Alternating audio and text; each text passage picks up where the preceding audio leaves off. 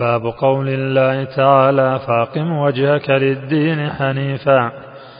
قول الله تعالى فاقم وجهك للدين حنيفا فطرة الله التي فطر الناس عليها. لا تبديل لخلق الله ذلك الدين القيم ولكن أكثر الناس لا يعلمون. وقوله تعالى وصى بها إبراهيم بنيه ويعقوب. يا بني إن الله اصطفى لكم الدين فلا تموتن إلا وأنتم مسلمون وقوله تعالى ثم أوحينا إليك أن اتبع ملة إبراهيم حنيفا وما كان من المشركين وعن ابن مسعود رضي الله عنه أن رسول الله صلى الله عليه وسلم قال إن لكل نبي ولاة من النبيين وأنا ولي منهم أبي إبراهيم وخليل ربي.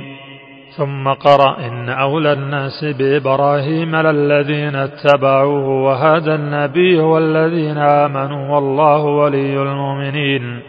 رواه الترمذي. وعن أبي هريرة رضي الله عنه قال قال رسول الله صلى الله عليه وسلم إن الله لا ينظر إلى اجسامكم ولا إلى أموالكم ولكن ينظر إلى قلوبكم وأعمالكم. ولهما عن ابن مسعود رضي الله عنه قال قال رسول الله صلى الله عليه وسلم أنا فرطكم على الحوض وليرفعن إلي رجال من أمتي حتى إذا هويت لأناولهم اختلجوني فأقول اي رب أصحابي فيقال إنك لا تدري ما احدثوا بعدك. ولهما عن أبي هريرة رضي الله عنه أن رسول الله صلى الله عليه وسلم قال وددت أنا قد رأينا إخواننا قالوا ولسنا إخوانك يا رسول الله؟ قال أنتم أصحابي وإخواننا الذين لم يأتوا بعد. قالوا فكيف تعرف من لم يأت بعد من أمتك يا رسول الله؟ قال أرأيتم لو أن رجلا له خيل غر محجلة بين ظهري خيل دهم بهم ألا يعرف خيله. قالوا بلى يا رسول الله. قال فإنهم يأتون غرا محجلين من الوضوء.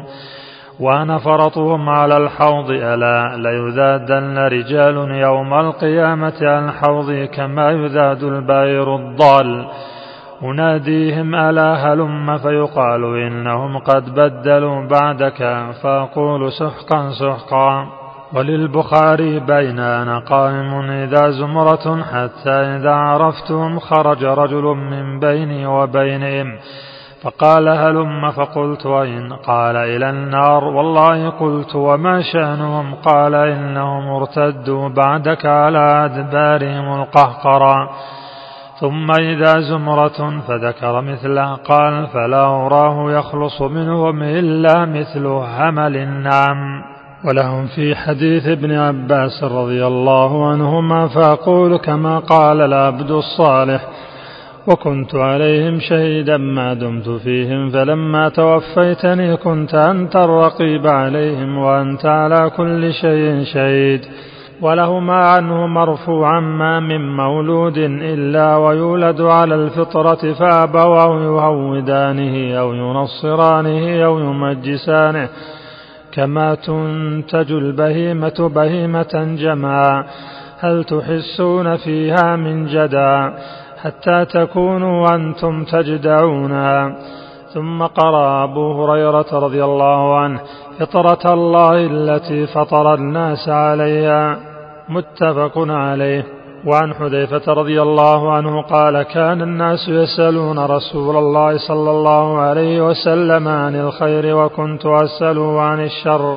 وكنت أسأله عن الشر مخافة أن يدركني فقلت يا رسول الله إنا كنا في جاهلية وشر فجاءنا الله بهذا الخير فهل بعد هذا الخير من شر؟ قال نعم. قلت وهل بعد ذلك الشر من خير؟ قال نعم وفيه دخن. قلت وما دخنه؟ قال قوم يهدون بغير هدي تعرف منهم وتنكر. قلت فهل بعد ذلك الخير من شر. قال نعم فتنة عامية. ودعاة إلى أبواب جهنم من أجابهم إليها قذفوا فيها. قلت يا رسول الله صفهم لنا. فقال هم من جلدتنا ويتكلمون بألسنتنا. قلت فما تأمرني إن أدركني ذلك؟ قال تلزم جماعة المسلمين وإمامهم. قلت فإن لم يكن لهم جماعة ولا إمام قال فاعتزل تلك الفرق كلها. ولو أن تعض بأصل شجرة حتى يدركك الموت وأنت على ذلك أخرجه وزاد مسلم ثم ماذا قال؟ ثم يخرج الدجال معه نهر ونار فمن وقع في ناره وجب أجره وحط وزره. ومن وقع في نهره وجب وزره وحط أجره. قال قلت ثم ماذا؟ قال ثم هي قيام الساعة. قال أبو العالية تعلموا الإسلام فإذا تعلمتموه فلا ترابوا عنه. وعليكم بالصراط المستقيم فإنه الإسلام. ولا تنحرفوا عن الصراط يمينا ولا شمالا. وعليكم بسنة نبيكم وإياكم. وهذه الأهواء انتهى تأمل كلام أبي العالية رحمه الله تعالى. هذا ما جله واعرف زمانه الذي يحذر فيه من الأهواء التي من اتبعها فقد رغب عن الإسلام وتفسير الإسلام بالسنة والإسلام وخوفه على أعلام التابعين وعلمائهم. من الخروج عن السنة والكتاب يتبين لك معنى قوله تعالى إذ قال له ربه أسلم.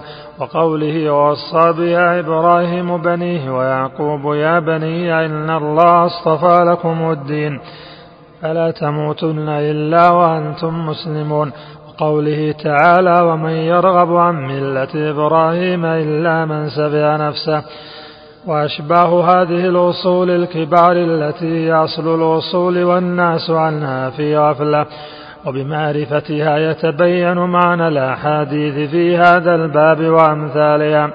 وأما الإنسان الذي يقرأها وأشباهها وهو آمن مطمئن أنها لا تناله ويظن أنها في قوم كانوا فبادوا. أفأمنوا مكر الله؟ فلا يأمن مكر الله إلا القوم الخاسرون.